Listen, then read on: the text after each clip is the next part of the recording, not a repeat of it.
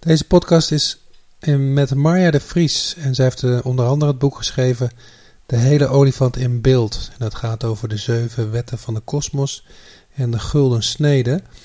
Een waanzinnig interessant boek en ehm, ja, dit is dit gesprek ook geworden. Um, zij heeft eerst haar hele verhaal verteld en daarna heb ik nog wat vragen gesteld. Is daardoor een lange podcast, maar zeker de moeite waard.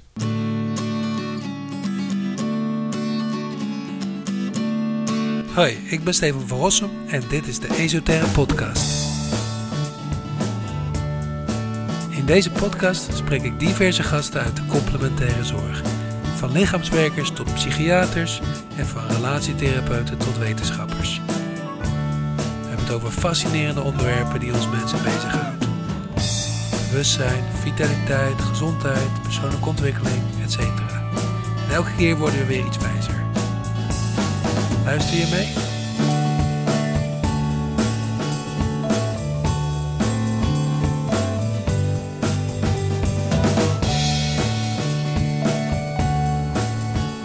Ik zit vandaag in Zutphen. Ik zou zelf zeggen eigenlijk aan de overkant van Zutphen. Want ik kijk over de IJssel heen naar de nieuwbouw van Zutphen is het geloof ik hè? Precies in jouw uitzicht Marja. Ik ben op visite bij Marja de Vries en daar ben ik heel blij mee, want ik heb haar boek wat best een, eh, een dikke pil is, heb ik in uh, één adem uitgelezen. En het boek heet De hele olifant in beeld. En ik uh, heb meteen uh, Marja gevraagd of ik langs mag komen voor een podcast interview. En ja, dat vond ze goed. Dus hier ben ik, hier zit ik. Tegenover mij is Marja, dankjewel alvast. En ja, het is een groot boek. Hè? Je wou graag, nou niet alles vertellen van het boek, maar wel een mooie weergave geven. Dus ik zou zeggen, the floor is yours, brand los. Er was eens een stad waar alle mensen blind waren. En op een dag kwam de koning in die stad en sloeg daar in de buurt zijn kamp op. En de koning had een olifant bij zich. Maar de mensen in de stad hadden nog nooit van een olifant gehoord en ze wisten niet wat een olifant was. Dus ze waren heel nieuwsgierig en al snel gingen een paar mensen uit de stad naar het kamp van de koning om uit te zoeken, want dat was een olifant. En de eerste blinde die daar aankwam bij de olifant onderzocht wat een olifant was door de slurf te voelen. En de tweede blinde deed hetzelfde, maar die voelde een oor. En de derde blinde, die voelde een poot. En toen gingen deze drie mensen snel terug naar de stad om daar aan alle andere mensen te vertellen wat een olifant was. En de eerste zei, ik zal het jullie vertellen, ik weet het. Een olifant is eigenlijk een slang, maar dan hol. De tweede zegt, ik zal het jullie vertellen, een olifant is een ruw tapijt. En de derde zei, nee hoor, ik zal het jullie vertellen, een olifant is een stevige pilaar. Nou, dit is een verhaal, dat is al heel oud. Eh, ik vond het uit de 12e eeuw van de Soefi-traditie, maar het is ook bekend in andere tradities. En het vertelt eigenlijk iets wat tot de dag van vandaag actueel is. Namelijk, we zoeken, we leven ons leven, we doen allerlei ervaringen op, we trekken daar conclusies uit. Maar als we dan aan elkaar gaan vertellen wat we denken dat het leven is of hoe het zit, hebben we allemaal andere verhalen.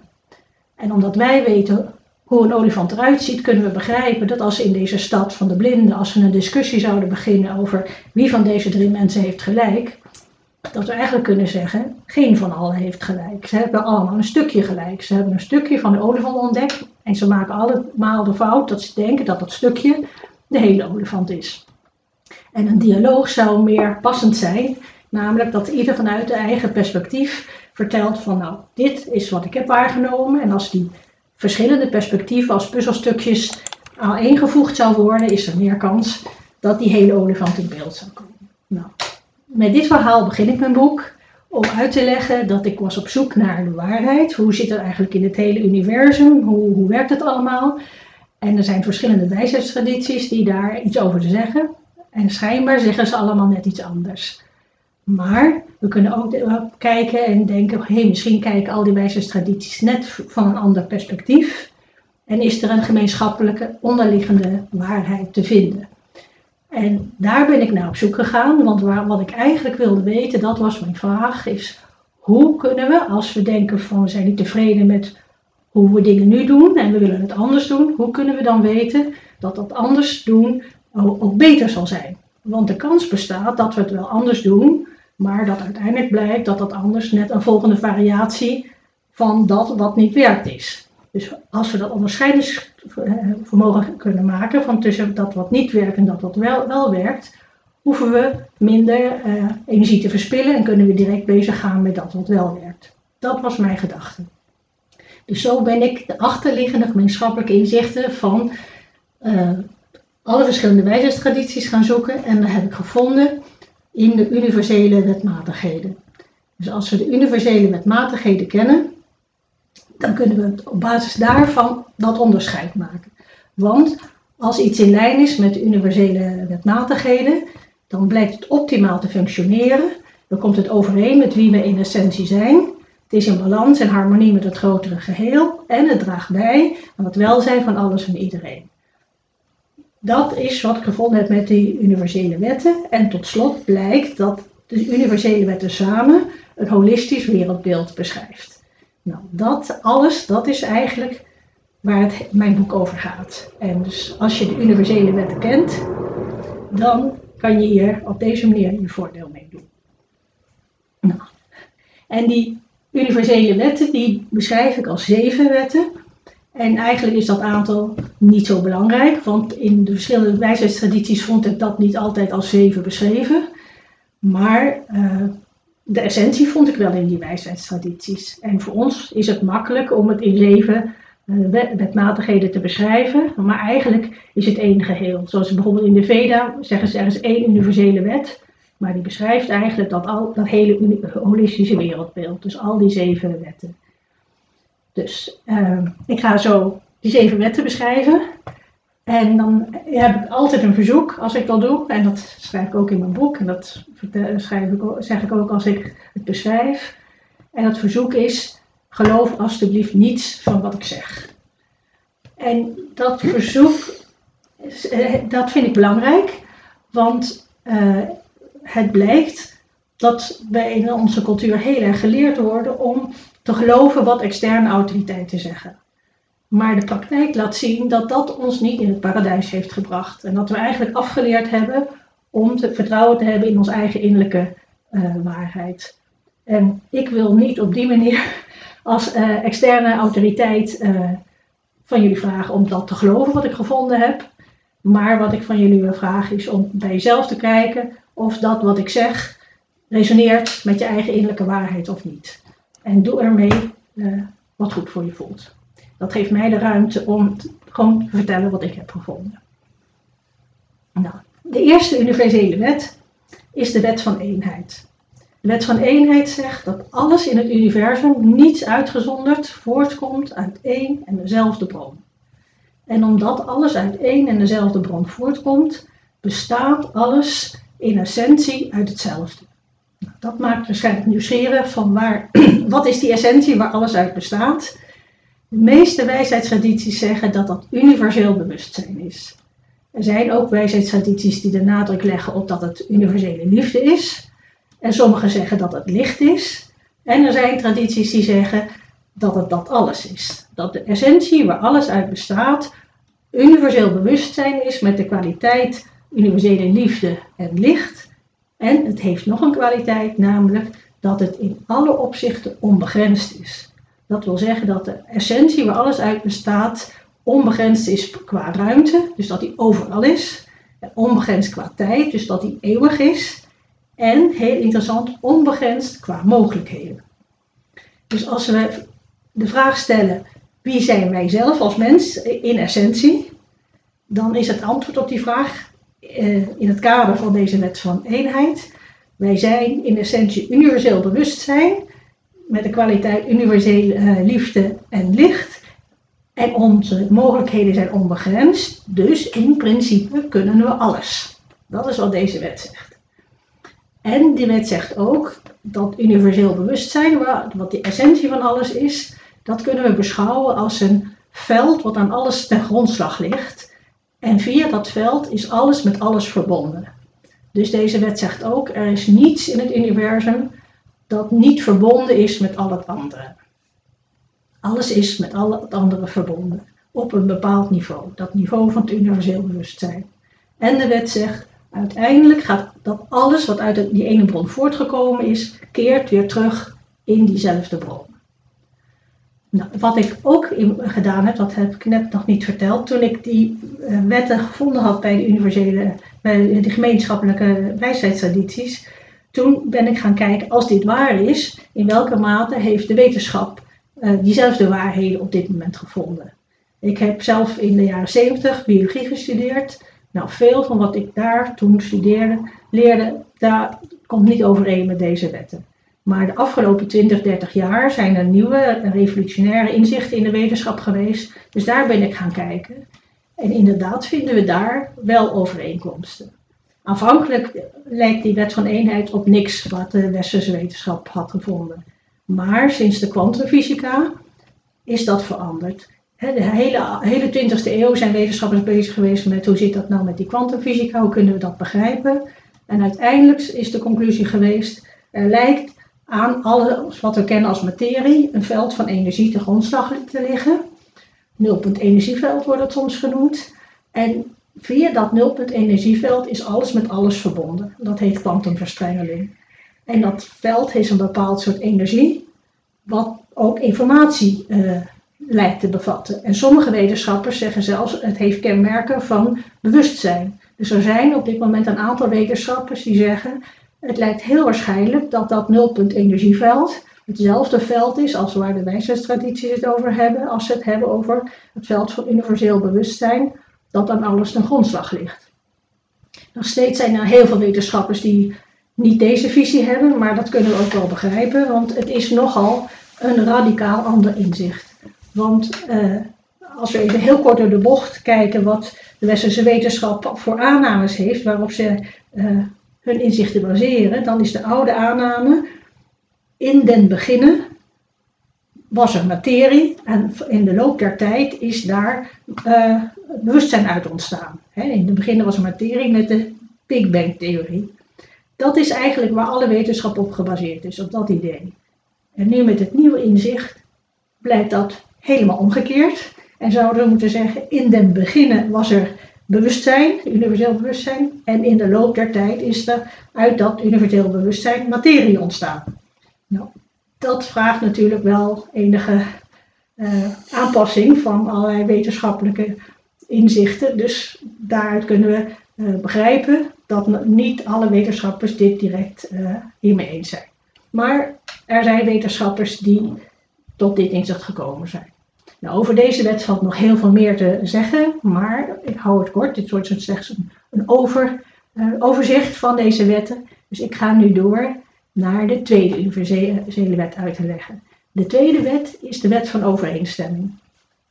De wet van overeenstemming zegt dat het universum, wat uit die ene bron is voortgekomen, een gelaagd universum is. En met gelaagd wordt bedoeld dat er verschillende niveaus van de werkelijkheid zijn.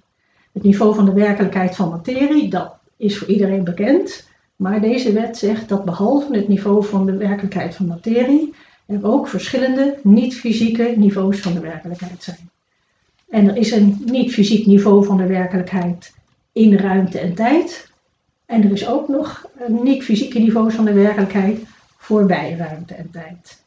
En deze universele wetten gelden op al die verschillende niveaus. Want die niveaus zijn niet ergens anders, maar die zijn allemaal op dezelfde plek waar, waar we ons bevinden. En deze wet die zegt ook, alles dat bestaat in materie, bestaat ook op die andere niveaus van de werkelijkheid. Dus als ik mezelf als voorbeeld neem, ik heb een fysiek lichaam en dat fysieke lichaam bestaat op het niveau van de werkelijkheid van de materie.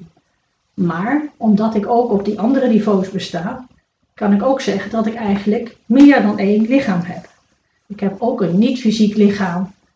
Dat bestaat op het niveau, het niet-fysieke niveau van de werkelijkheid in de ruimte en tijd. Nou, dat niet-fysieke lichaam wordt vaak het aura genoemd. En mensen die aura's kunnen waarnemen, die kunnen zeggen hoe groot die aura is. En dat dus is op het niveau van werkelijkheid in ruimte en tijd. Dan kunnen we het over afmetingen hebben. Maar behalve dat heb ik nog een ander niet-fysiek lichaam op het niveau van de werkelijkheid voorbij ruimte en tijd. En omdat het voorbij ruimte en tijd is, heeft dat geen bepaalde afmetingen, maar is dat oneindig.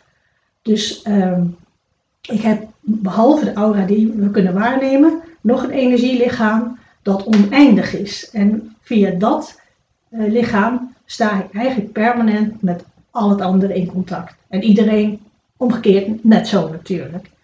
Dus dat, uh, en dat geldt voor alles. Alles wat een, fysiek lichaam heeft, heeft ook die niet-fysieke uh, lichamen.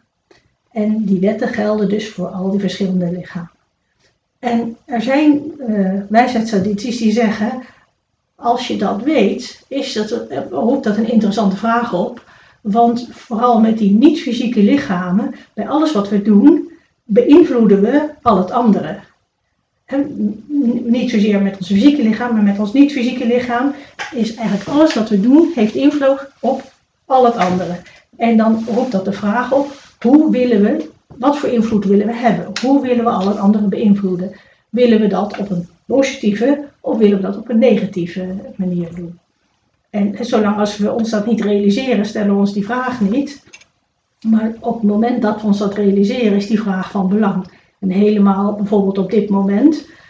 We kunnen de wereld beïnvloeden met uh, onze eigen angst. Als wij bang zijn, is dat wat we uitzenden en dat is waar we, waar we de hele wereld mee beïnvloeden.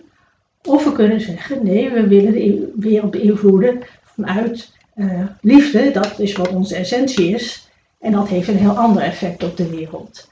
En we zijn daar misschien niet ieder moment van de dag bewust van, hè, bewust van maar we kunnen ons proberen daar steeds bewuster van te zijn. Hoe willen we de wereld beïnvloeden?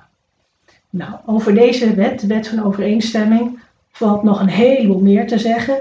Bijvoorbeeld uh, kunnen we uitleggen hoe het, dat deze wet verklaart hoe de organisatievorm uh, van iets heel kleins en heel, iets heel groots eigenlijk hetzelfde is. De wetenschappelijke term daarvoor is uh, fractalorganisatie, waar we steeds dezelfde manier van organisatie op, in verschillende maten, in verschillende groottes tegenkomen.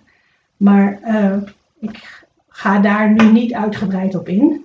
We kunnen wel zeggen dat de wetenschap eigenlijk wel erkent dat er ook een niveau, een niet-fysiek niveau voorbij ruimte en tijd bestaat, alleen noemen ze dat niet zo. Maar er zijn in 1982 is er al een proef gedaan uh, op het gebied van non-lokaliteit. Dat hebben ze op kwantumniveau gedaan. Ze hebben gezegd als we twee uh, subatomaire deeltjes die met elkaar verbonden zijn, op, op, ieder op een andere plek brengen, kilometers van elkaar vandaan. En we veranderen op, bij het ene deeltje iets en we proberen te meten hoe lang het duurt, zodat dat vervolgens bij dat andere deeltje diezelfde verandering plaatsvindt, is de conclusie dat het geen tijd kost, maar dat het exact op hetzelfde moment gebeurt. Dat is wat het begrip non-lokaliteit eh, uh, betekent. En het betekent dus dat het bericht tussen het deeltje A en het deeltje B niet via ruimte en tijd gaat, maar via het niveau van de werkelijkheid voorbij ruimte en tijd. Want anders zou het een bepaalde hoeveelheid tijd kosten om van A naar B te gaan. Maar ze noemen het non-lokaliteit, maar ze noemen het niet, oké, het is daar een niveau uh, uh, van de werkelijkheid voorbij ruimte en tijd. Maar het gaat over hetzelfde. En in 82 is dat uh, bewezen in Frankrijk. Daarna is het bewezen in Zwitserland. En een paar jaar geleden in Delft hebben ze het ook gedaan. Dus we kunnen zeggen dat het wetenschappelijk bewezen is als het een herhaalbare proef is. Nou, kortom, hier valt nog heel veel meer over te zeggen. Maar voor dit overzicht ga ik nu door naar de derde wet. De derde wet is de wet van trilling. De wet van trilling zegt dat dat alles wat uit die bron is voortgekomen en bestaat op die verschillende niveaus van de werkelijkheid, permanent in trilling is. Als het niet in trilling zou zijn, zou het niet bestaan. Het bestaat bij de gratie van het feit dat het trilling is. Want deze wet zegt ook, alles is energie. En energie trilt per definitie.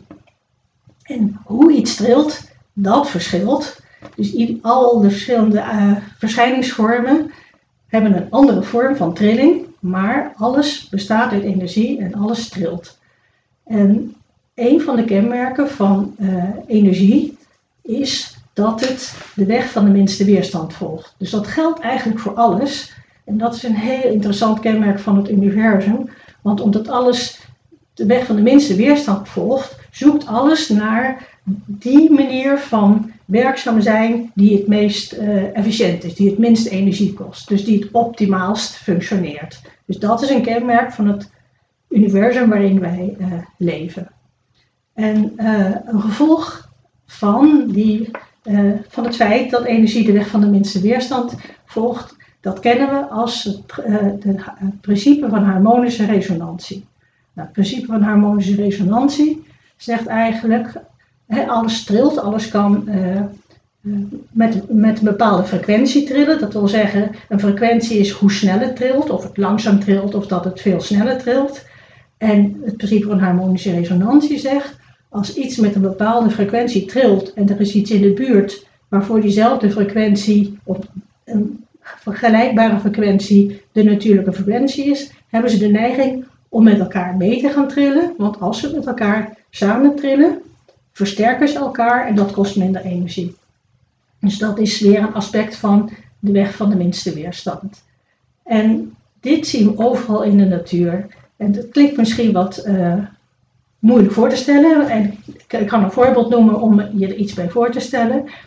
Uh, want het geldt bijvoorbeeld ook voor uh, muziek en geluid. Dus als we bijvoorbeeld in een, in een koor zingen en we proberen dezelfde toon te zingen, dan werkt dit ook. Want stel, je kan zelf niet zo goed zingen, maar je gaat met een koor meezingen die heel zuiver zingt.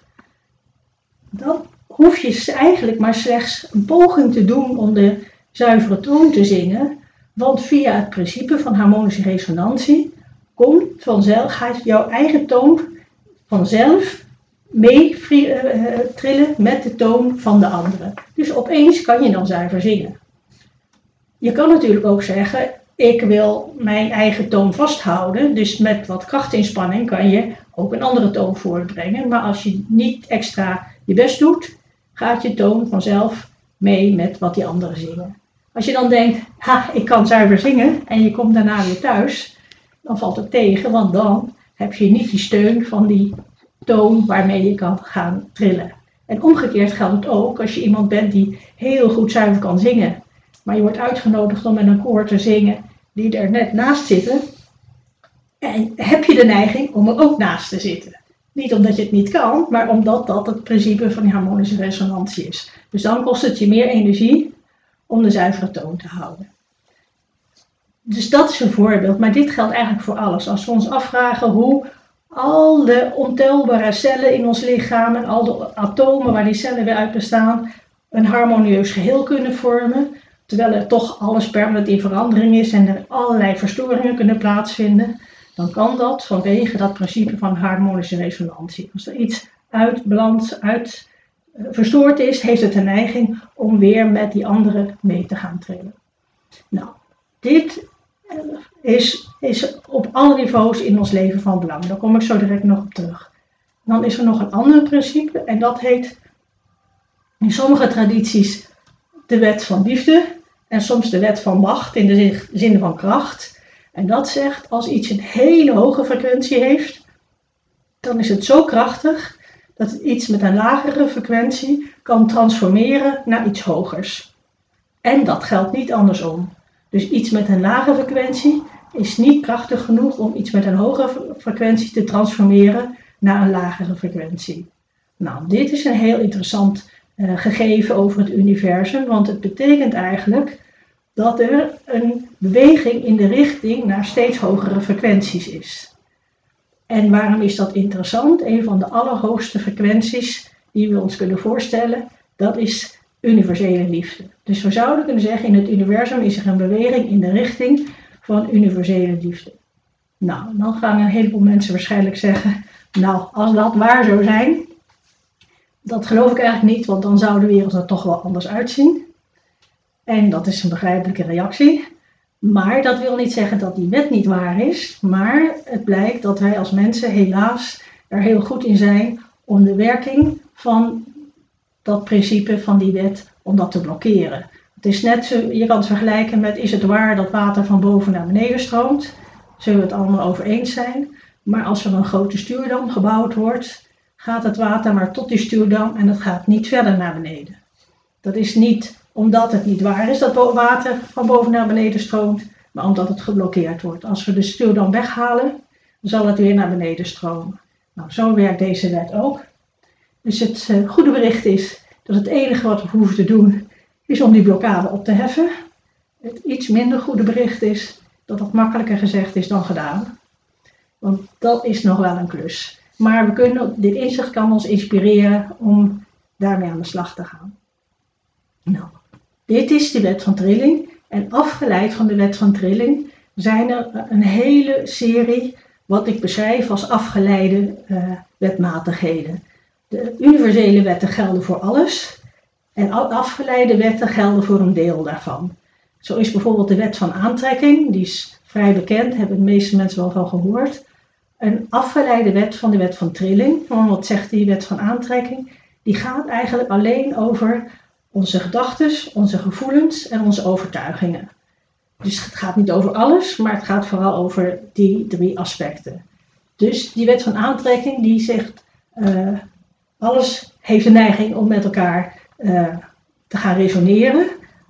En dat betreft dus onze gedachten, gevoelens en overtuigingen. Dus als ik een bepaalde gedachte heb of een gevoelens heb, dan hoef ik niet uit te spreken, maar als ik dat heb en iemand in mijn omgeving heeft vergelijkbare gedachten en gevoelens, dan hebben die de neiging om uh, te gaan resoneren, mee te gaan trillen. En dat kan zowel positief als negatief uh, uitpakken. Als ik uh, gisteren heel erg boos ben geweest en ik heb dat niet verwerkt, heb ik de kans dat ik dat nu uitzend. En als er in mijn omgeving mensen zijn die ook in zichzelf nog een heleboel boosheid hebben, dan kan dat gaan resoneren. Dat heeft niet te maken met wat er op dat moment gebeurt, maar meer met dit uh, trillen. En dan zal het resultaat van het samen zijn niet zo succesvol zijn. Terwijl omgekeerd, als ik een positief uh, gevoel heb of een positieve gedachte en dat zend ik uit, heb ik de kans dat dat bij die personen mee resoneert. En dan zal het samen zijn positiever uitpakken. En dit geldt ook voor onze overtuigingen. En dat laatste, daar is ook wetenschappelijk onderzoek naar gedaan. Bijvoorbeeld wat de overtuigingen zijn van uh, docenten die uh, lesgeven. Ze hebben daar eh, bijvoorbeeld uh, een groep kinderen en, een IQ-test afgenomen. En op basis van die IQ-test hebben ze die kinderen in twee groepen verdeeld. Kinderen met een lage IQ en kinderen met een hoog IQ. En ze hebben een aantal docenten gevraagd om mee te doen met het experiment. Dan hebben ze gezegd van kijk, hier heb je een les, wil je die behandelen? En wil je na afloop een test afnemen? En ze hebben aan die docenten gezegd: hier heb je een groep kinderen met een hoog IQ en hier heb je een groep kinderen met een laag IQ. En wat bleek? Die docenten hebben een les gedaan en hebben een test afgenomen. En het bleek dat de groep kinderen waarvan zij dachten dat het kinderen waren met een hoog IQ, bleken goede resultaten behaald te hebben. En de groep waarvan de docenten dachten dat het kinderen waren met een laag IQ, die hadden niet zulke goede resultaten. En toen hebben ze tegen de docent gezegd: Oké, onze proef had niks te maken met hoe goed je kon lesgeven. Maar wat de kracht van je overtuiging was en wat we je niet hadden verteld, is dat we de groep hadden omgekeerd. Dus de groep waarvan je dacht dat ze een hoge Q hadden, had eigenlijk een lage Q, maar de resultaten waren heel goed.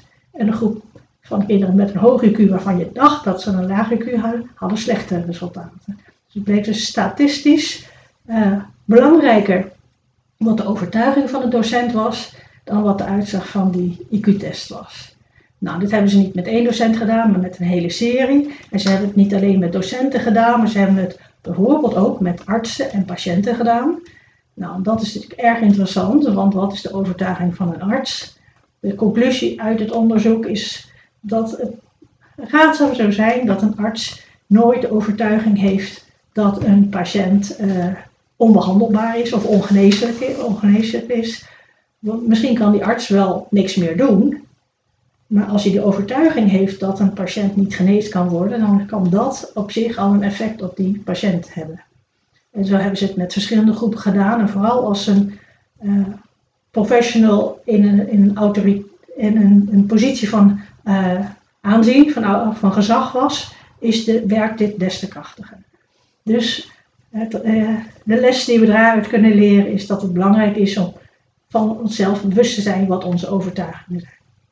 Hetzelfde is bijvoorbeeld als je eh, gaat solliciteren, maar je hebt niet de overtuiging dat je het krijgt, dan kan de sollicitatiecommissie ook die overtuiging oppakken.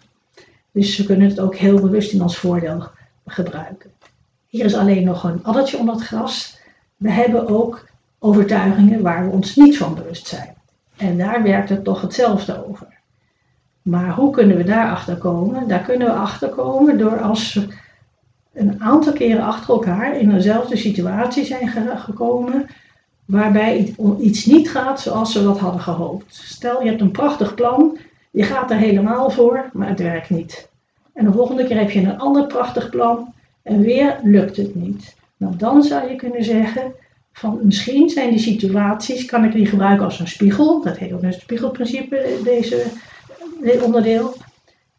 Kijk in die spiegel en stel jezelf de vraag van is het misschien iets wat ik uitzend in een overtuiging, wat ik in deze spiegel terugzie. En uh, dat is moeilijk soms eh, te vinden, maar het kan de moeite waard zijn. Ik heb zelf het voorbeeld dat ik eigenlijk heel lang niet ergens op een, uh, in een fijn huis woonde. En toen ik uh, vervolgens weer een nieuw huis zocht, dacht ik, wacht eens eventjes, is er hier een spiegel waar ik in moet kijken? Heb ik hier een overtuiging die eigenlijk een staak in het wiel is van het vinden van een goed huis? Nou, dat vraagt uh, diep innerlijk onderzoek om daar een antwoord op te vinden. Je bent zelf de enige die dat antwoord kan vinden. En toen ik dat onderzoek bij mezelf deed, en want dat kan gelaagd en je kan steeds dieper, steeds dieper. En toen ik op de boom kwam, vond ik bij mezelf de overtuiging, er is geen plek voor mij in deze wereld. Nou ja, als je met die overtuiging een huis gaat zoeken, dan is dat niet zo handig. Dus ik heb eerst het innerlijk werk gedaan om die overtuiging uh, kwijt te raken. Dat betekent innerlijk werk, want waar komt dat vandaan en waar zit de pijn en wat, is het, wat zit er allemaal achter. Maar toen ik dat los kon laten, was mijn voorstellingsvermogen voor het vinden van een huis opeens heel veel ruimer. En ik maakte een waslijstje van wat ik graag zou willen. Onder andere wilde ik heel graag een huis met uitzicht op de IJssel. En inderdaad heb ik die gevonden en daar woon ik nu. Dus uh, dat is mijn eigen ervaring van dat zoiets heel goed kan werken als je het innerlijk werk doet. Nou, dit is het spiegelprincipe. En dan hebben we nog de wet van aandacht. En die zegt dit werkt nog des te beter als we daar ons voorstellingsvermogen bij gebruiken en ons het in kunnen eh, voelen van hoe het zal zijn als, als dat, dat wat we willen, uh, als we dat zullen hebben.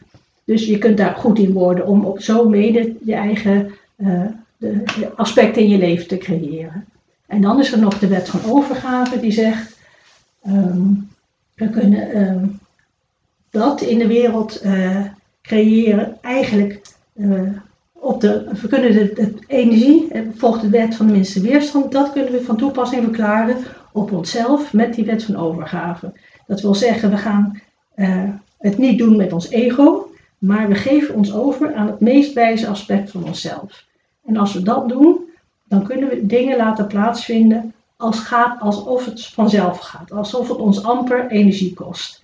En um, uh, in, het, in het Taoïsme zeggen ze het doen door het niet doen. Dus het is niet dat je helemaal niks doet, maar je laat je ego het niet doen, maar je, laat, je, volg, je geeft je over aan je hoger zelf. Nou, dat is ook makkelijker gezegd dan gedaan, want hoe zetten we dat ego aan de kant? Maar als dat lukt, dan uh, behoort dit tot de mogelijkheden. Nou, hierover is allemaal heel veel meer te zeggen, maar in dit overzicht ga ik door naar de volgende wet, de vierde wet. En dat is de wet van polariteit. De wet van polariteit die zegt, terwijl dit allemaal waar is, kunnen we eigenlijk niet iets over iets zeggen uh, in absolute zin, maar we kunnen het alleen zeggen in relatieve zin. En het voorbeeld dat daar vaak voor genoemd wordt, is uh, kunnen we zeggen of iets uh, warm of koud is. En dan wordt gezegd dat kunnen we niet in absolute zin zeggen, alleen in relatieve zin. We kunnen op een thermometer zien hoeveel graden Celsius het is. Bijvoorbeeld kunnen we zeggen, ah, het is 15 graden Celsius. Maar als het in de winter 15 graden Celsius is, dan zeggen we, het is een hele warme dag. Ik doe mijn jas uit. Terwijl als het in de zomer 15 graden Celsius is, zeggen we het is een hele koude dag. Ik moet een jas aan. Dus is 15 graden Celsius nou warm of koud? Dat hangt er maar vanaf in welk seizoen het is. En zegt die wet van polariteit, dat geldt eigenlijk voor alles. Kunnen we zeggen of iets uh, goed of fout is? Dat is relatief. Dat hangt er maar vanaf. Waar hangt het bijvoorbeeld vanaf? Van de context of van het doel wat we willen bereiken. En, uh, willen we, wat willen we bereiken? Als de context bijvoorbeeld uh, economische groei is, dan zijn heel andere dingen goed en fout dan als de context bijvoorbeeld is het zo goed mogelijk beschermen van de natuurlijke omgeving.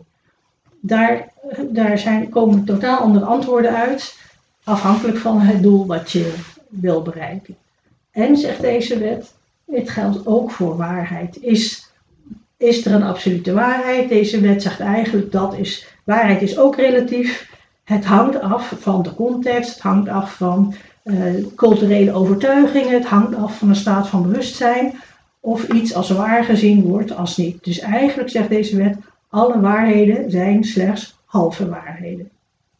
Maar, hier is nou een, apart detail bij die wet van polariteit en dat wordt genoemd de goddelijke paradox. En de goddelijke paradox zegt, terwijl alle waarheden halve waarheden zijn, bestaat er toch een absolute waarheid. Nou, ons ratio houdt helemaal niet van paradoxen. Dus iedereen die met een ratio luistert, zal zeggen: wacht even, dat klopt niet. Het is of het een of het ander. Of alle waarheden zijn halve waarheden, of er bestaat een absolute waarheid, maar je kan niet zeggen dat het alle twee zo is. Maar het is niet zo moeilijk om uit te leggen hoe die paradox toch waar kan zijn. Als we even teruggaan naar het verhaal van de blinde en de olifant. Want dat verhaal ging niet voor niks over blinden, namelijk mensen die beperkt zijn in hun waarneming, en over een olifant, namelijk een heel groot dier. Want zolang als die blinden beperkt zijn in hun waarneming, is die olifant te groot om in zijn geheel waar te nemen. Dus kunnen die blinden alleen maar een deel van die olifant waarnemen. Maar terwijl, eh, als mocht per toverslag die blinden opeens uh, kunnen zien, dan blijkt dat er niets mysterieus is aan die olifant, die is er gewoon. Maar die hebben ze niet kunnen zien zolang als ze blind waren, maar als ze ziende zijn, zien ze gewoon allemaal diezelfde olifant. En zo is dat ook met waarheid, zolang als wij in een normaal staat van bewustzijn verkeren, die per definitie beperkt is, is die absolute waarheid zo groot dat we die niet in één keer kunnen waarnemen. Dus we zullen altijd een gedeelte van die van die absolute waarheid waarnemen, namelijk een halve waarheid. Maar er zijn mensen geweest, door in de loop van de geschiedenis, in verschillende culturen, die een heel bijzondere ervaring hebben gehad. Namelijk, ze zeiden, ik raakte toen in een totaal andere staat van bewustzijn. En ik ervoer dat ik één was met alles wat er was. En in die staat van eenheid, die eenheidservaring, kon ik alles ook weten wat er te weten was.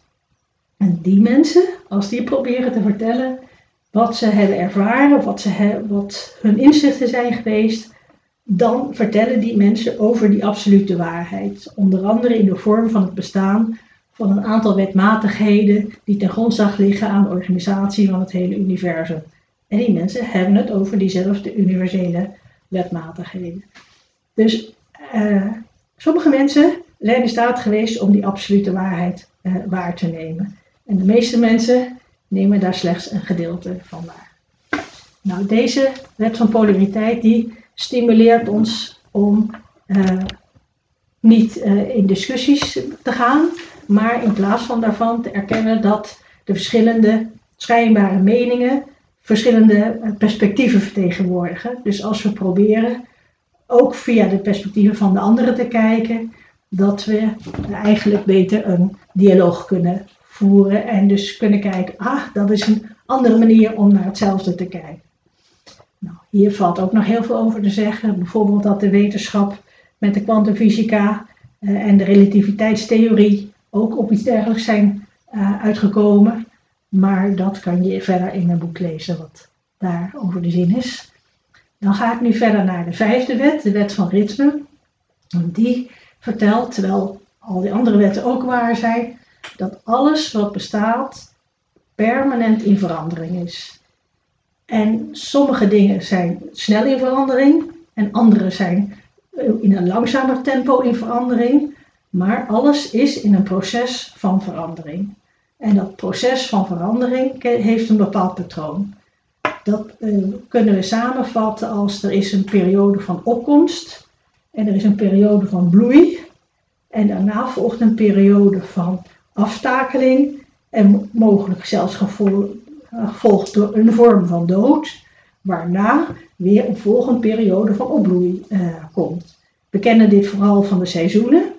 En dat is uh, de jaarcyclus. Van in het lente krijgen loofbomen blad.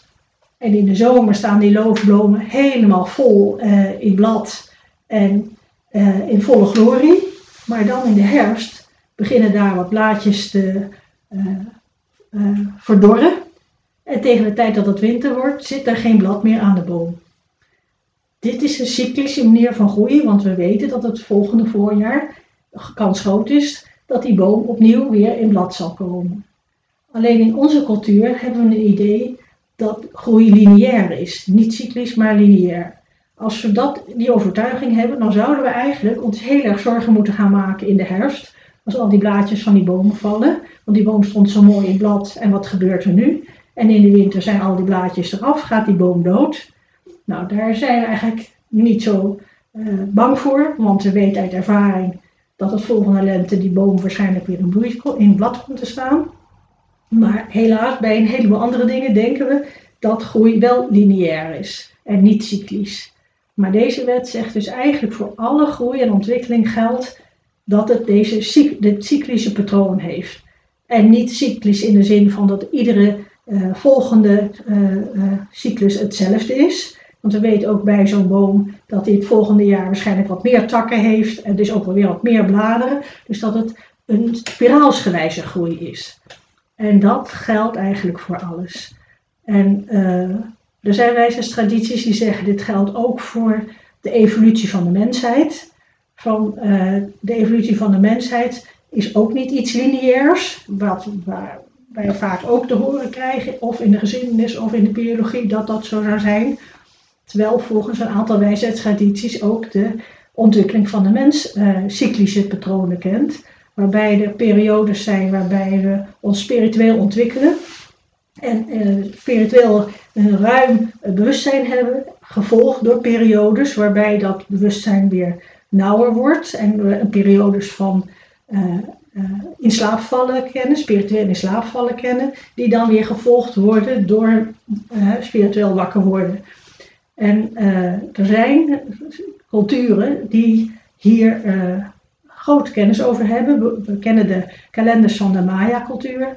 Die gaan eigenlijk, al die cycli van die kalenders gaan eigenlijk over dit groeiproces van de mensheid. Die cycli waarin we ruim, een ruimer bewustzijn hebben gevolgd door cycli periodes waarin we weer een uh, nauwer bewustzijn hebben. En volgens de Maya-kalenders zouden wij op dit moment als mensheid een, in een periode zijn waarin we aan het wakker worden zijn uit een lange periode van spirituele slaap, om ons nu weer spiritueel verder te kunnen ontwikkelen. En de chaostheorie heeft dit inmiddels ook gevonden. Die zegt eigenlijk uh, zulke veranderingen uh, van, met periodes uit elkaar vallen, die zijn noodzakelijk om ruimte te maken voor iets nieuws op een hoger niveau. Dus als we dat van toepassing verklaren nu op ons als mensheid, zouden we kunnen zeggen: haha, we begrijpen dat we nu in een periode van chaos zijn, waarin alles uit elkaar aan het vallen is, omdat het niet langer werkt.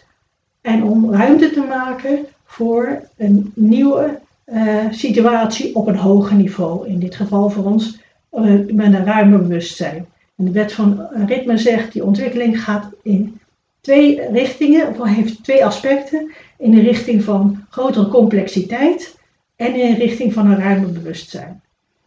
Dus dat, zo zouden we naar de wereld om ons heen kunnen kijken van wat is er aan de hand en wat is hier aan het gebeuren.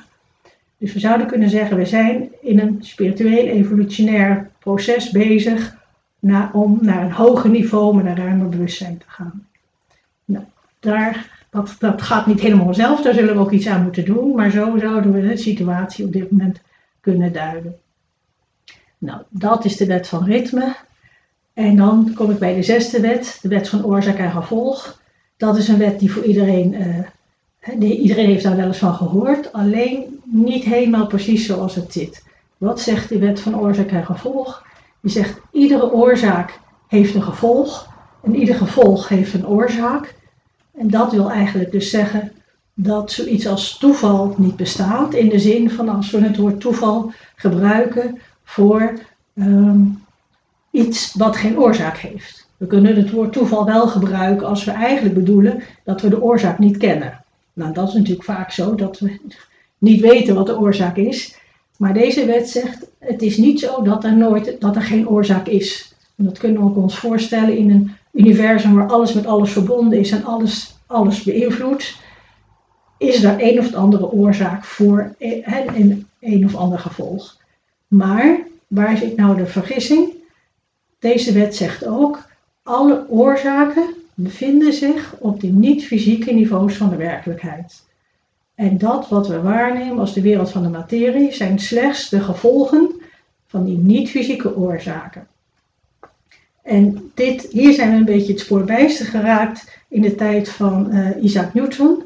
Want die uh, was met zijn uh, wetten van de mechanica, heeft hij hele mooie dingen bedacht. Van hoe in de wereld van de materie het ene invloed kan hebben op iets anders. En dat kan je helemaal uitrekenen. Dat hebben we Sommigen van ons op de middelbare school hebben we daar sommen over gekregen. Maar wat daar niet aan klopte, die, die sommen die gingen vaak over hoe, bijvoorbeeld hoe biljartballen elkaar kunnen beïnvloeden. En dat kan je uitrekenen. Als een bepaalde biljartbal met een bepaalde snelheid tegen een andere biljartbal aankomt, dan kan je uitrekenen wat die tweede biljartbal gaat doen. Maar wat in dit verhaal mist, is hoe die eerste biljartbal aan het rollen gegaan is. Die is niet zelf gaan rollen, maar er was waarschijnlijk gewoon iemand aan het biljarten. En die keek eens naar die ballen en die dacht, wat moet ik eens doen als ik dit effect wil bereiken? Dus die had, hij, die, de gedachten in dat hoofd van die persoon, dat waren de niet-fysieke oorzaken. En vervolgens is die met zijn keu iets gaan doen, wat aan het eerste gevolg was en wat vervolgens een ander gevolg had. Dus die biljartballen zijn slechts alleen maar gevolgen van die niet-fysieke oorzaak van het plannetje in het hoofd van de biljartballen.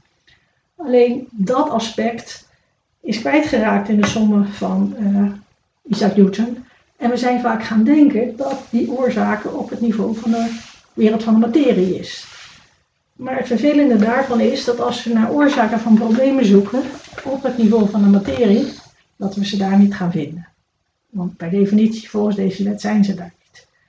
En als we even heel kort door de bocht een onderscheid willen maken tussen de uh, traditionele, conventionele geneeskunde en de alternatieve geneeskunde, dan kunnen we zeggen dat de traditionele geneeskunde de oorzaken op het niveau van de materie zoekt, wat eigenlijk gevolgen zijn, symptomen, terwijl alternatieve geneeskunde de oorzaken zoekt op het niet-fysieke niveau van de werkelijkheid. Dus dat is dichter bij de werkelijke oorzaak.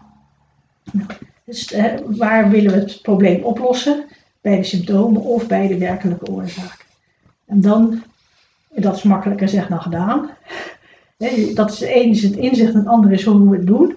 Daar is een heel mooi verhaal van uh, wat dit illustreert. Is dus zegt van, uh, stel je hebt een berg. En vanaf die berg, erboven ergens in de helling van de berg is een bron. En vanaf die berg stroomt een rivier naar beneden. En daar is een dal en daar is een dorpje en daar stroomt die rivier. En stel die mensen in dat dorp die zeggen, ah, we zijn blij met die rivier, maar we willen hier een uitbreiding doen, dus het zou fijn zijn als die rivier een andere loop heeft hier in het dal. Als ze de oplossing gaan zoeken uh, daarvoor op het op de niveau van de materie, betekent dat ze daar uh, aan het graven kunnen gaan om een andere bedding te graven. Dat is een heleboel werk, maar het zou lukken.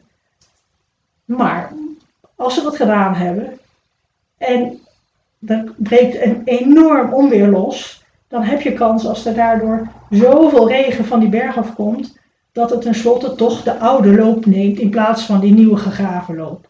Dus hebben ze veel energie gestoken, waarbij het tenslotte toch geen effect heeft.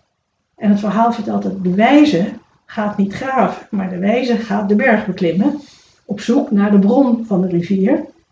En de wijze gaat bij de bron van de rivier observeren hoe dat water daar uh, begint te stromen. En de wijze zou door één steen te verleggen de hele stroom van de rivier kunnen verplaatsen. En als het dan gaat stortregenen, blijft de rivier de nieuwe stroom volgen. Maar ja, het verhaal heeft het wel over een wijze. Dus hoe dichter, de enige ene les van het verhaal is, hoe dichter je bij de bron komt, hoe minder energie het kost.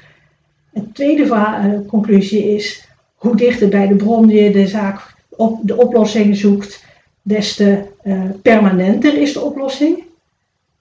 En uh, de derde conclusie is, hoe word je een wijze om te weten welke steen hoe veranderd moet worden? Nou, dat is natuurlijk niet zo makkelijk. Maar goed. Oké, de wet van oorzaak en gevolg is ook de wet die we allemaal kennen als uh, wat, je, uh, wat je doet zal op eenzelfde manier terugkomen. Dus wat je zaait zal je oogsten. Of ja, behandel de ander zoals je zelf graag behandeld wil worden. Dat, dat, aspect van de wet van oorzaak en gevolg, dat kent iedereen. En er zijn mensen van als, die zeggen als je deze wet goed bestudeert, kan je uiteindelijk een bewuste veroorzaker uh, worden. Zodat je precies begrijpt hoe die werkt, wet werkt. Zoals je een wijze zou kunnen worden eigenlijk. Nou, tenslotte kom ik dan bij de zevende wet. De zevende wet, in tegenstelling tot de zesde wet, is in onze cultuur eigenlijk niet bekend. Die zevende wet, is de wet heb ik zelf de wet van dynamische balans genoemd. En die wet van de dynamische balans die zegt alles dat bestaat, bestaat uit twee actieve principes. En die twee actieve principes zijn tegengesteld gericht. Het is een beweging naar buiten en een beweging naar binnen. En tussen die twee bestaat een dynamische balans.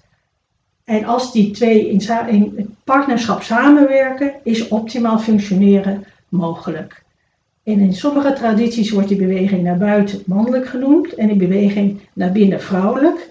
Die dus beide in partnerschap willen samenwerken. Ze zijn complementair, ze willen in partnerschap samenwerken om optimaal functioneren mogelijk te maken. Je zou je eigenlijk kunnen zeggen, het is, uh, we hebben twee benen om optimaal te kunnen lopen. Dus het is niet zo van het ene been is beter dan het andere been. Maar door beide complementaire benen te gebruiken, kunnen we optimaal uh, lopen. Maar wat hebben we nou in onze cultuur bedacht? Dat interesseert ons niks. We vinden één been belangrijk en het andere been niet. Dus we gebruiken één been, we trainen één been en we verwaarlozen en negeren het andere been. Dus eigenlijk hebben we een cultuur gebaseerd op één been. Dus dat op hinkelen. Kunnen we hinkelen? Ja. Kunnen we goed worden in hinkelen? Ja, dat kan ook. Maar is dat optimaal functioneren? Nee. Het zou, we zouden veel optimaler kunnen functioneren als we beide benen gebruiken. En dat been dat we trainen, dat is de beweging naar buiten, dus het mannelijke aspect. En dat is ook zeg maar het, fysieke aspect, want dat is het uh, analyse, dat is de aandacht voor detail, dat is ons denken gebruiken, onze rationale uh, manier van weten. Het is de wetenschap gebruiken, kwantiteit. Nou, je kan een hele lijst maken van aspecten die hiermee samenhangen. Maar al die aspecten die ik net genoemd heb, die hebben allemaal een partner, een vrouwelijk aspect, die in onze cultuur heel veel minder ge geoefend gebruikt wordt. Sterker, die wordt gewoon genegeerd. En als we de parallel met de benen gebruiken, we weten als we uh, een aantal weken ziek op bed liggen, dat de spieren in ons benen verslappen. Die verdwijnen bijna. Dus als we iets niet gebruiken, kan het gewoon verdwijnen. Nou, dat is wat heel veel met dat vrouwelijk aspect gebeurt. Het mannelijk aspect wordt getraind, dus als spieren worden die sterk. En het vrouwelijk aspect wordt verwaarloosd en dat verdwijnt bijna. Dus als we nu zeggen we willen de balans herstellen, dan is misschien de eerste neiging van, ja, maar dat werkt niet. Nee, als je die spieren niet hebt getraind en die zijn helemaal uh, aan het wegtrainen, dan zullen die eerst weer ook getraind moeten worden, net als dat uh, andere aspect. Maar als, er die beide, als die getraind wordt, dan kunnen die beide in partnerschap samenwerken. Dus dan kunnen we het fysieke complementeren met het niet-fysieke. En dan kunnen we uh, het, niet alleen naar details kijken, maar kunnen we ook naar het geheel kijken. Dan kunnen we niet alleen ons hoofd gebruiken, maar ook ons hart. Niet alleen ons denken, maar ook ons voelen. Niet alleen de wetenschap, maar ook de spiritualiteit. Kortom, alles krijgt dan een complementair uh, partner die in, in samenwerking uh, optimaal kunnen functioneren. En dan is bijvoorbeeld ook niet alleen dat we uh, hechten aan vrije wil, maar dan blijkt die partner van die vrije wil de verantwoordelijkheid te zijn voor wat we doen met die vrije wil. Nou, zo kunnen we die hele lijst samenbouwen. En in natuur wordt de beweging naar buiten gebruikt voor afbraak, voor het uit elkaar vallen, wat op de composthoop gebeurt. En is de beweging naar binnen in de natuur dat wat opbouwt en dat wat uh, integreert in plaats van desintegreert. Dus we hebben eigenlijk een cultuur gebaseerd op afbraak als we het in dit kader bekijken. Dus het eerste wat, hoe we beter kunnen gaan functioneren is om die balans te herstellen. Maar er is hier nog iets interessants. Het vraagt niet alleen om die balans te herstellen, maar voor optimaal functioneren vraagt het eigenlijk om die balans iets te laten overhellen naar het vrouwelijke aspect. Dus iets meer van het vrouwelijke dan van het mannelijke. Nou, heel veel mensen hebben tegen mij gezegd van dat lijkt niet echt uh, aannemelijk, want balans is toch balans en waarom doe je nou toch weer onbalans? Nou, die onbalans die heeft er alles mee te maken met dat het vrouwelijke ook over het geheel gaat en het mannelijke slechts over de details.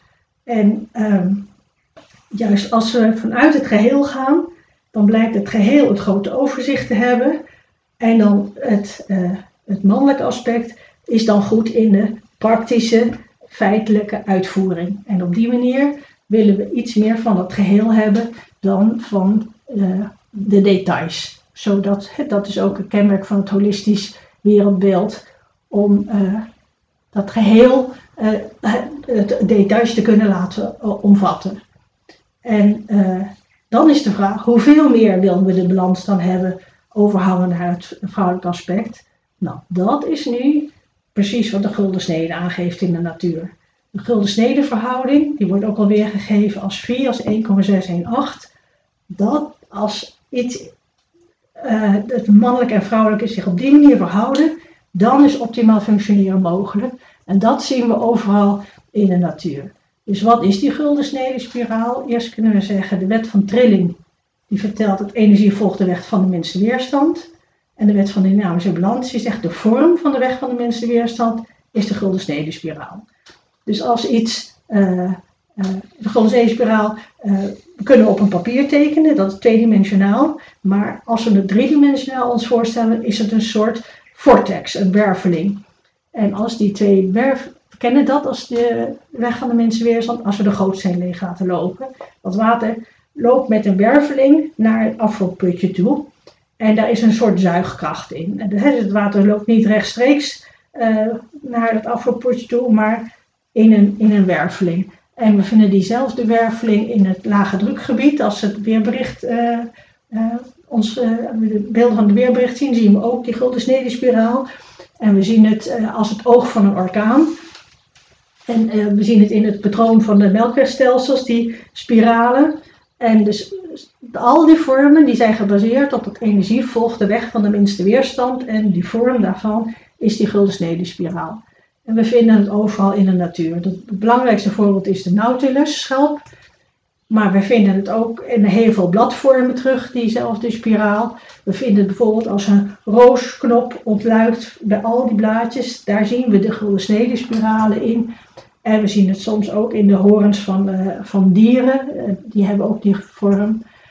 En het hele interessante is, die, die vortex in die spiraalvorm, die wil ook weer uh, in partnerschap samenwerken met een complementaire aspect. En als twee van die vortexen die tegenovergesteld gericht zijn met elkaar eh, samenwerken, dan ontstaat er een energievorm die bekend is in de wetenschap als een torus. En die torus trekt net als dat water dat uit uh, een gootsteen loopt, daar heeft een zuigkracht en die torus trekt levensenergie aan. Dat kost geen energie, dat gebeurt door die beweging. Dus er zijn uh, al wetenschappers die nu hebben gezegd, de torusvorm, die energievorm die op sub-sub-subatomair niveau gevonden wordt, is eigenlijk de essentie van het leven. En als we dan die fractal-theorie uh, van de, uh, de, wet van overeenstemming erbij halen, dan blijkt dat er hele kleine fractal van die torussen zijn, wat grotere van die torussen zijn, en dat die allemaal in elkaar passen. En dat we ze bijvoorbeeld vinden als, de, als een aspect van ons eigen aura. Daar vinden we die torensvorm uh, terug. We vinden een torensvorm terug rond uh, de planeet aarde. En we vinden de toren zelfs, vorm zelfs terug in spiraalnevels in het universum. Steeds weer diezelfde organisatievorm. Nou, een ander aspect van de gulden snede vinden we in de Fibonacci-reeks. Dat is een reeks die zegt, we nemen twee getallen en die tellen we bij elkaar op om het volgende getal te krijgen. Dus als je begint met 1 en 1, dan is het volgende getal 2. En 1 plus 2 is 3. En 2 plus 3 is 5. En 5, 3 plus 5 is 8. Zo krijg je een hele reeks van getallen. En het interessante is dat we in de natuur steeds twee opeenvolgende getallen terugvinden. Want dat heeft met de gulden snede te maken. Bijvoorbeeld als we een dennenappel uh, bekijken dan zien we dat die schubjes op een dennenappel in spiralen staan. En er zijn spiralen de ene kant op en spiralen de andere kant op. En als we tellen hoeveel spiralen de ene kant op zijn en hoeveel zijn er de andere kant op, vinden we twee opeenvolgende getallen van die Fibonacci-reeks. Vaak 8 en 13, maar bij dennenappels van verschillende uh, bomen vinden we ook daar verschillende getallen. Maar vaak is dat 8 en 13. En we vinden het heel vaak in het hart van een cosmea, van een uh. Bijvoorbeeld cosmea. Als we in het hart van de cosmea spiralen tellen, vinden we 13 spiralen de ene kant op en 21 de andere kant op. Twee getallen van die reeks. Bijvoorbeeld in een margietenhart, 21 spiralen de ene kant op en 34 de andere kant op. En dan komen we op het beroemde voorbeeld van de zonnebloem. Daar vinden we vaak 34 spiralen de ene kant op en 55 uh, de andere kant op. En als we die twee getallen op elkaar delen, komen we steeds dichter in de buurt van de gulden snede, 1,618. En uh, dat hebben wetenschappers ook onderzocht, van waarom is dat zo?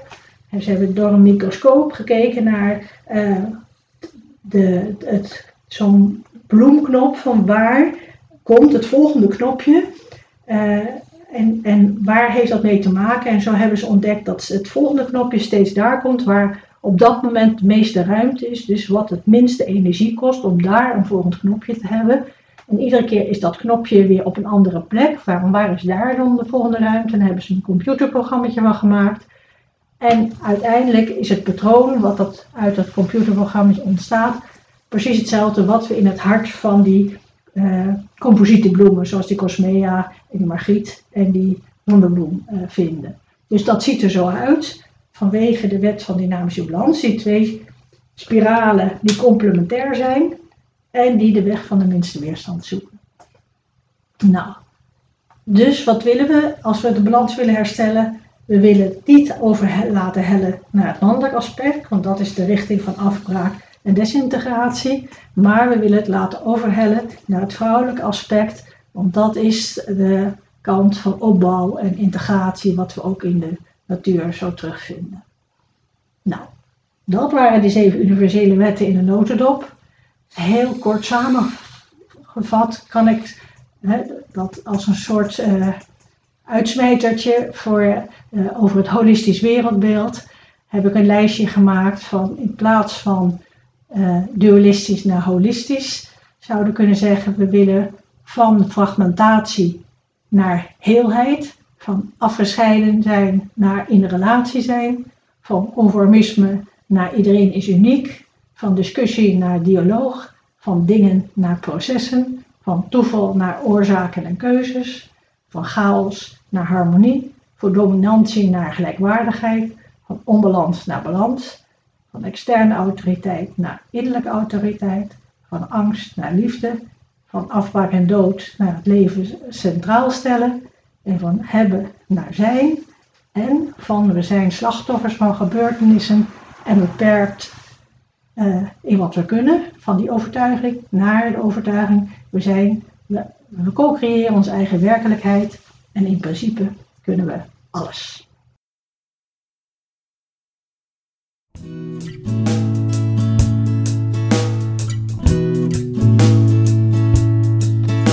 En je geeft ook aan uh, uh, dat wij zeg maar niet. Nou er zijn mensen die zeggen: we zijn een schitterend ongeluk. We zijn uh, door toeval zijn we ontstaan en in deze beurs zijn gekomen. Eh, volgens jouw eh, wetten die je gevonden hebt, is het andersom. Hè? Zijn we uit bewustzijn voortgekomen. Klopt dat? Ja, even een kanttekening. Het zijn echt werkelijk waar niet mijn wetten. Sorry, zei ik dat? ik heb onderzoek gedaan naar de gemeenschappelijke inzichten van al die wijsheidstradities. En daaruit heb, heb ik deze wetmatigheden, die heb ik daar gevonden. Dus ik heb ze slechts zeg maar, op een bepaalde manier uh, op een rijtje gezet en geherformuleerd. Uh, maar uh, die wet van oorzaak en gevolg, die zegt dus alle oorzaken hebben een gevolg en alle gevolgen hebben een oorzaak. Dus het toeval bestaat niet. Dus het wetenschappelijke idee van dat iets per toeval ontstaat, is niet in lijn met de inzichten in deze wetmatigheden. En uh, het wetenschap heeft dat woord toeval of random gebruikt daar waar ze de antwoorden niet hadden. Dat is makkelijk te zeggen als je geen patroon vindt, om dan te zeggen het is random, het is uh, willekeurig. Maar dat is eigenlijk een zwaktebod om te zeggen, wat je eigenlijk wil zeggen, van nou, we hebben het patroon nog niet gevonden of begrijpen nog niet de achterliggende wetmatigheden. Dus uh, dat in het algemeen. En om dan in datzelfde kader als wetenschappers te zeggen dat de mens toevallig zou zijn ontstaan, ja. Hè, wat, er is een wetenschapper, ik ben even zijn naam kwijt, maar die heeft zoiets gezegd van als dat werkelijk allerlei dingen zouden zijn ontstaan bij toeval, dan zou dat net zo uh, aannemelijk zijn als dat er een wervelwind door een uh, hoop schroot gaat en dat daar een werkend vliegtuig uit ontstaat of iets dergelijks. In theorie zou je misschien denken dat die kans bestaat, maar in de praktijk lijkt dat zeer onwaarschijnlijk. Dus ja, en, en maar ja, dus de, de, dat wat er is, lijkt eerder uh, oorzaak en gevolg te zijn. En um, het andere aspect, wat je zei van uh, dat een mens toevallig zou zijn ontstaan, nou dat zou het gelden, eigenlijk hetzelfde gelden over, over oh nee, je zei over het bewustzijn, dat is essentieel. Mm-hmm. De, de bestaande theorie in de wetenschap, die nu aan het afkalven is, is de theorie van de Big Bang. Dat is nooit bewezen, daar bestaat ook geen bewijs voor, maar dat is een aanname waar men is gaan denken dat dat zo zou zijn. En er zijn wat aanwijzingen die mogelijk vermoeden dat dat misschien zo is, maar er zijn op dit moment steeds meer aanwijzingen die uh, het idee geven van dat dat niet kan kloppen. En die aanwijzingen stapelen zich op. En intussen zijn er andere theorieën over hoe het universum uh, zou zijn ontstaan. En die worden ook soms genoemd het elektrisch universum of het plasma-universum. En die blijken veel aannemelijker uh, te zijn. Alleen is dat nog niet populair. Maar er zijn een aantal wetenschappers die daar informatie over hebben. Dus die, en die uh, theorieën over het elektrische universum of het plasma-universum zijn veel meer in lijn met, het, met de universele wetten. Dus voor mij is dat uh, veel aannemelijker. Dus ik denk dat daar de wetenschap ook nog uh, ja, bezig is een stap te maken. En dus dat het niet toeval is, maar dat er een bepaalde patroon aan de grondslag liggen en dat, er, uh, dat het universum de basis is van waaruit het een en ander ontstaat. Van, hè, want je zou je de vraag kunnen stellen, wat organiseert eigenlijk in het universum? Wat is de kracht die organiseert? En er zijn wetenschappers die uh, zeggen dat zijn velden, dus energetische velden. Mm-hmm. Maar er zijn inmiddels ook wetenschappers die zeggen het is het bewustzijn dat organiseert. Ja, ja, ja. ja mooi, mooi. Ja, nee, sorry. Het zijn niet eh, de zeven wetten van Marja, hè?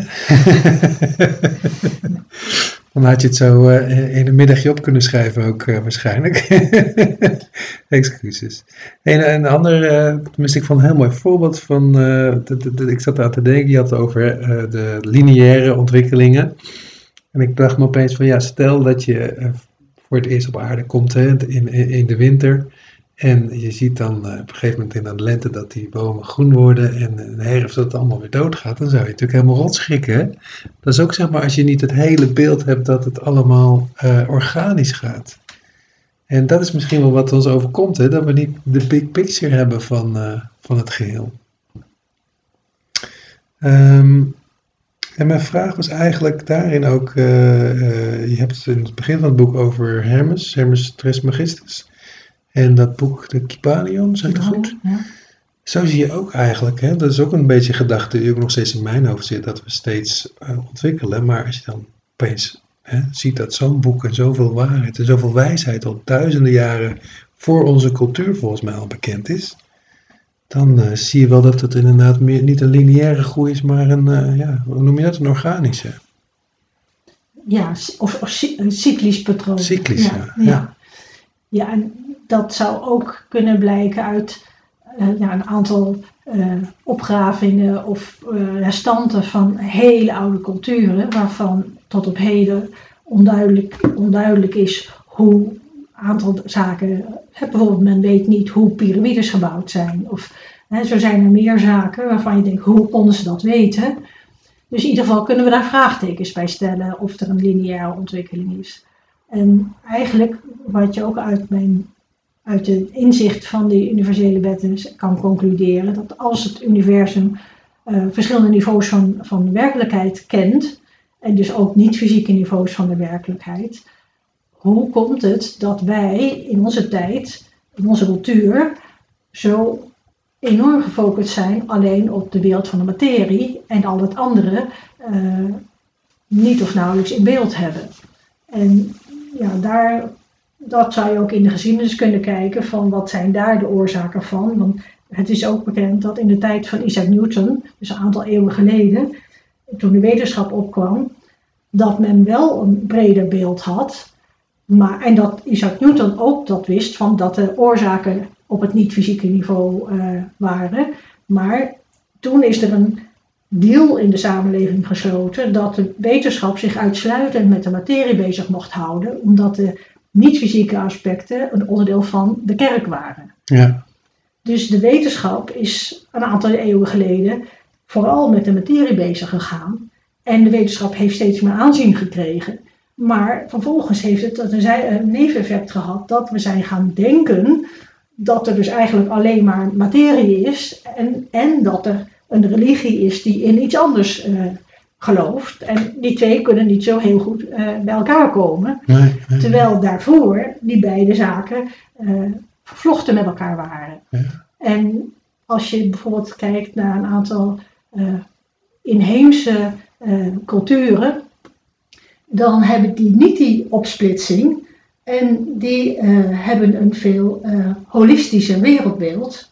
Want ja, die, die zien hoe dat samenhangt.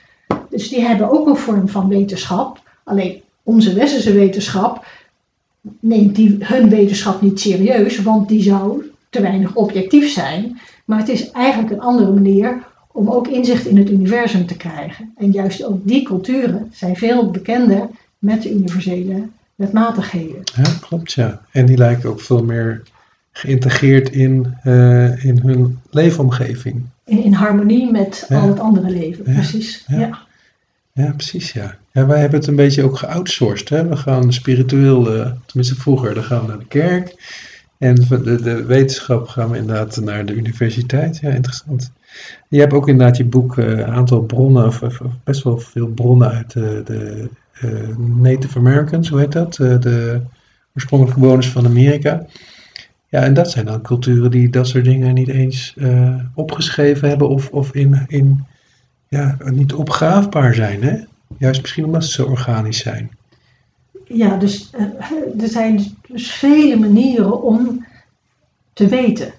En in onze cultuur zijn we heel beperkt daarmee. We zijn eigenlijk, ja, onze, onze opvoeding, onze scholing en de universiteiten uh, waar die op gebaseerd zijn, is dat we eigenlijk alleen maar met ons ratio iets kunnen weten. Terwijl inzicht in de universele wet duidelijk maakt dat die ratio heel beperkt is.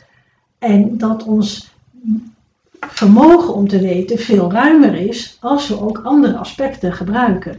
En dat is wat we vooral ook uh, bijvoorbeeld bij uh, Noord-Amerikaanse inheemse culturen zien, dat die heel andere aspecten van te weten gebruiken.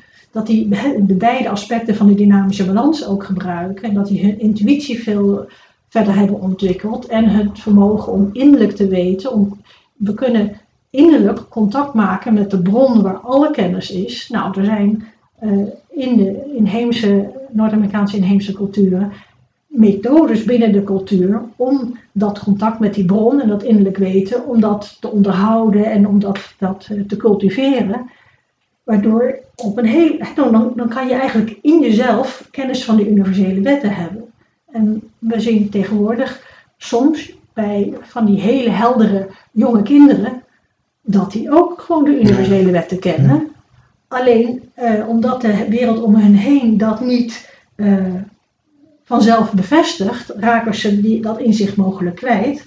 Maar ik ben al een aantal keren jonge mensen tegengekomen, zeg maar zo 18, 20, die tegen mij zeiden van, oh, je bent de eerste die eindelijk snapt hoe het werkt. Want die hadden nog contact met dat, die dat innerlijk weten. Terwijl uh, onze westerse wetenschap doet niets met innerlijk weten. Er zijn wel wetenschappers die dat gebruiken om vervolgens uh, hun proefopstelling zo te kunnen maken om iets te kunnen bewijzen. Maar officieel is het geen onderdeel daarvan.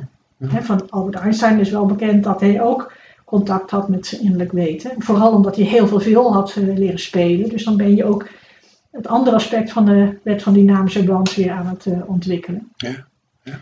Maar het is niet een officieel onderdeel van onze cultuur, wat eigenlijk heel erg jammer is. Ja, ja, ja. Ja, ja maar het zal wel zo zijn, hè, voor een reden of zo. ja, dat is een vraag die je natuurlijk heel veel verschillende antwoorden kan krijgen. Van wat is dan die reden en waarom dan? Maar als ons uitgangspunt is dat we uh, er naar streven om zo optimaal mogelijk te kunnen functioneren en zo uh, diep mogelijk inzicht te hebben in zaken, dan is er alles voor te zeggen om ook dat andere aspect te ontwikkelen. En als we eigenlijk zouden willen zeggen, als we de huidige problemen werkelijk willen oplossen, is het onontkoombaar om dat ook te ontwikkelen. Dus dan wordt die vraag uh, een serieuzere vraag. Want dan zouden we ons af kunnen vragen van hoezo is dit geen onderdeel van uh, onze scholing? en ik, ik, heb al diverse mensen ontmoet die zeggen van eigenlijk zou dat boek De hele olifant in beeld verplichte stof op de middelbare school moeten zijn of op de universiteit. Maar dat is een ja, interessante vraag waarom dat niet het geval is. Ja, En dan heb ik het niet over van dat het zo belangrijk is dat ik het heb opgeschreven, maar ik, er zijn nu bijna 20.000 exemplaren van mijn boek verkocht. En niemand, ik heb van heel veel lezers reacties gehad, maar niemand heeft mij gezegd dat wat jij hier schrijft is niet waar. Nee. Dus het, zou niet, het is niet zo dat het niet waar is, maar als het wel waar is, waarom is dat geen onderdeel van het huidige lespakket? Ja, ja, ja. ja. Nou goed, ik, ik, ja, grappig dat je het zegt, want je hebt in je boek over uh, Rupert Sheldrake, hè, mm velden. En uh, nou goed, ik heb jaren geleden de prachtige documentaire van Wim Keizer gezien, waar ik hem voor het eerst zag. Dus uh, dat is wel een held van mij. Zo ben ik een beetje dit pad opgegaan ook. Maar toevallig ging ik laatst eens kijken bij Skepsis. Dat is zo'n vereniging tegen kwakzalverij. Uh, op, op Sheldrake uh, zoeken. En daar hadden ze het ook over dat alle, alles wat hij had onderzocht, hè, dat, dat, dat ook weer weerlegbaar was. Dus ik kan me voorstellen dat de mensen die jouw boek lezen daar natuurlijk receptief voor zijn. Maar er is een hele grote wereld die, die, die dat natuurlijk doodeng vindt allemaal alles wat ze geleerd hebben uh, zal dan niet kloppen. -hmm. Ja, hoewel Rupert Sheldrake aanvankelijk werd tegen hem gezegd dat hij een ketter was, een wetenschappelijke ketter. Maar inmiddels heeft hij gewoon wel weer een universitaire aanstelling en worden zijn inzichten eh, steeds meer eh, toch erkend. Dus, eh, ja, dus ik, ik zie daar eigenlijk een soort van twee stromenland. Van dat een aantal wetenschappers, die we eigenlijk zouden kunnen noemen de echte wetenschappers, in de zin dat ze een integere intentie hebben om de waarheid te vinden, dat die zeggen ja, het klopt. Maar er blijken ook wetenschappers te zijn, die dus niet, wat mij betreft, in de categorie echte wetenschap vallen, die vooral door allerlei uh, uh, ja, industrieën betaald worden, die belang hebben bij dat bepaalde dingen wel waar zijn en andere dingen niet. En daar gaat het gewoon om geld. Van als jij een onderzoek kan doen waar deze uitkomsten uitkomen, dan hè, betalen we je en dan publiceren we dit als waar. En inmiddels weten we dus dat een heleboel van dat soort betaald onderzoek wetenschappelijk niet waar is. Ja, je noemt nog één belangrijk ding, vind ik, uh, vind ik interessant. Um, je hebt het over de wet van, ik weet niet meer welke het is, aantrekkingskracht misschien, maar over je overtuigingen. Hè? En dat, dat je dus eigenlijk, nou zo heb ik het zelf altijd gevoeld, ik zat vol met uh, onbewuste overtuigingen. Hè? Dus ik, kom, dus ik geloofde ook nooit zo erin, want ik, ik ik, eh, ze zeggen ook van nou, hè, de, het woordje niet, eh, dat kent de kosmos niet. Nou, ik ken het hartstikke goed hoor, want mijn overtuigingen die kwamen nooit uit. Maar het gaat inderdaad juist om die ja, dieper gelegen, onbewuste overtuigingen. En jij geeft ook aan dat je daar, daarmee aan de slag eigenlijk moet, hè, om, dat te, om dat naar boven te krijgen. Nou, wat is mijn vraag? Mijn vraag is, ik denk dat dat een essentieel punt is, ook voor de ontwikkeling van de mensheid. Zelf, zelf inzicht, naar binnen kijken. En daar vind je natuurlijk ook die wetten. Ja, die gelden overal, ja.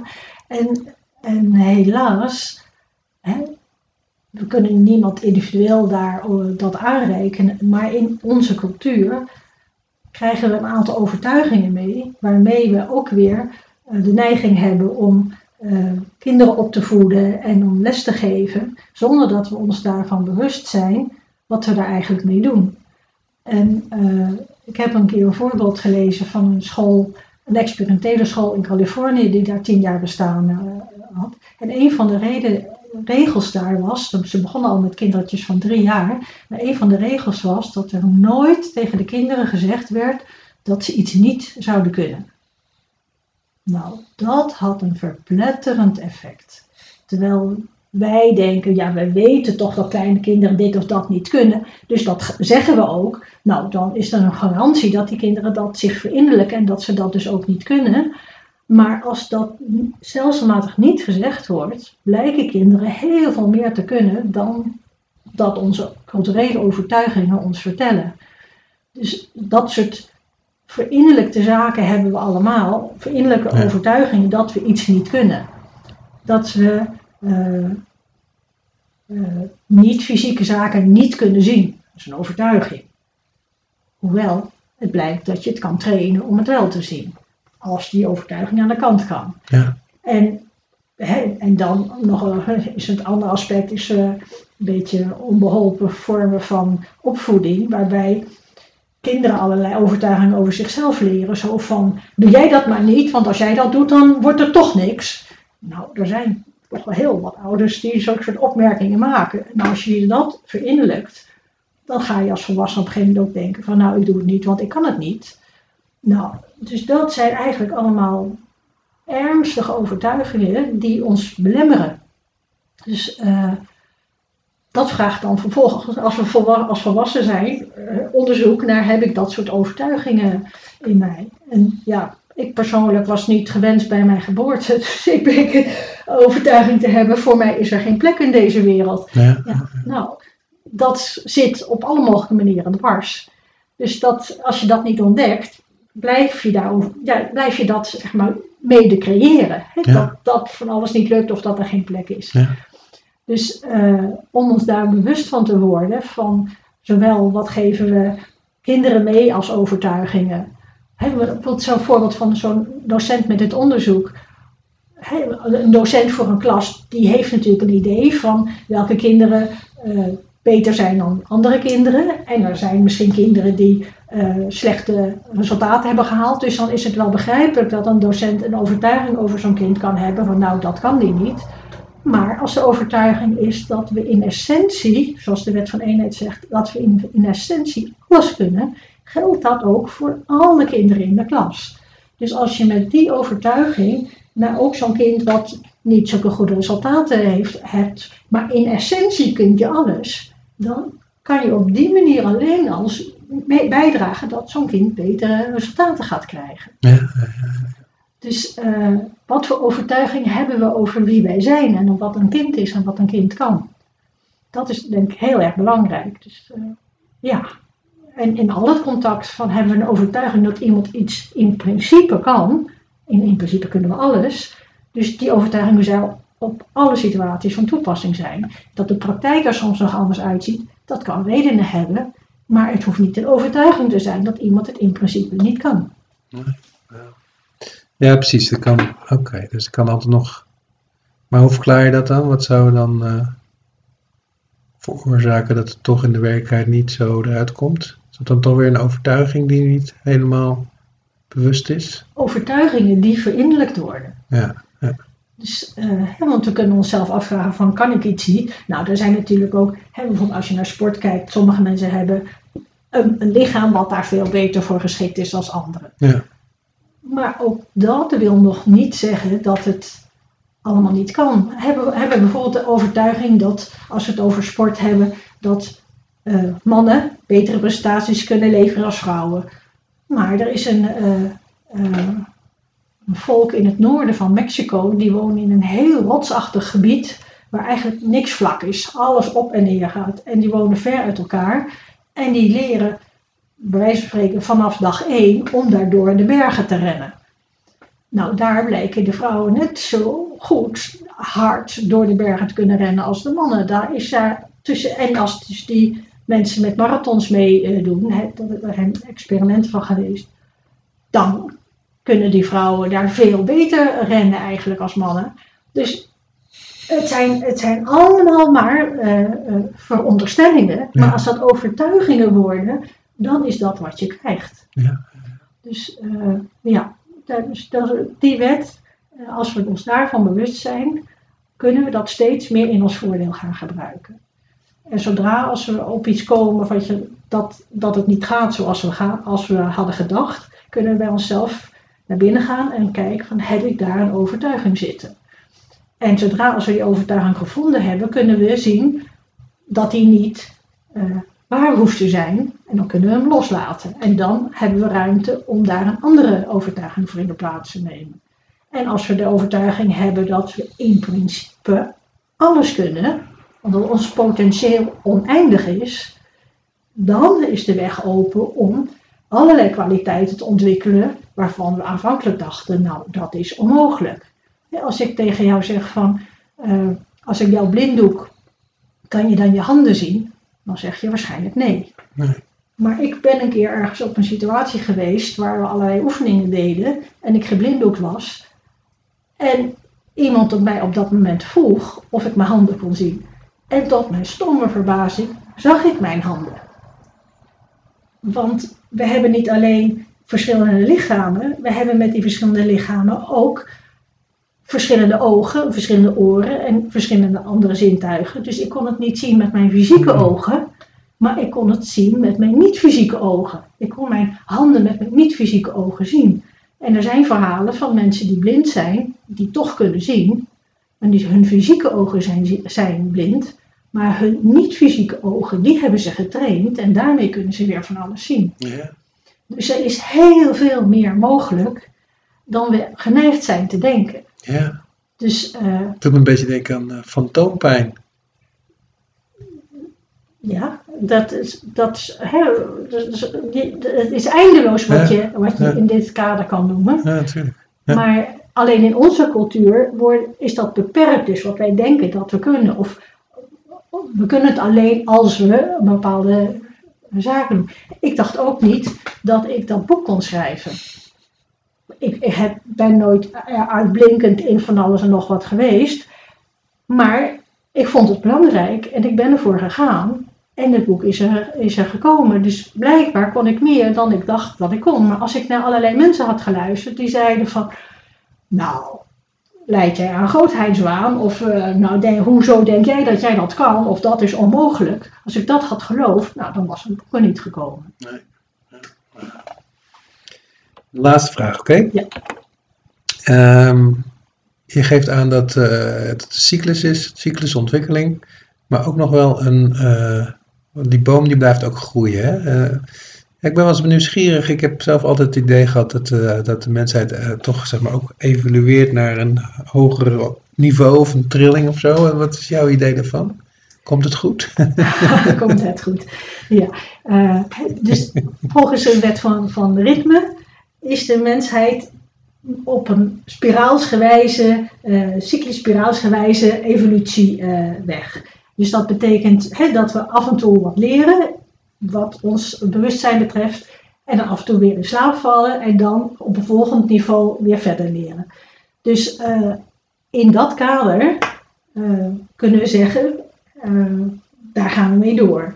Maar het vraagt ook van komt het goed? als we die vraag willen beantwoorden, heeft, is het ook nodig dat we ons realiseren wie we zijn. Zijn we ons fysieke lichaam of zijn we onze ziel?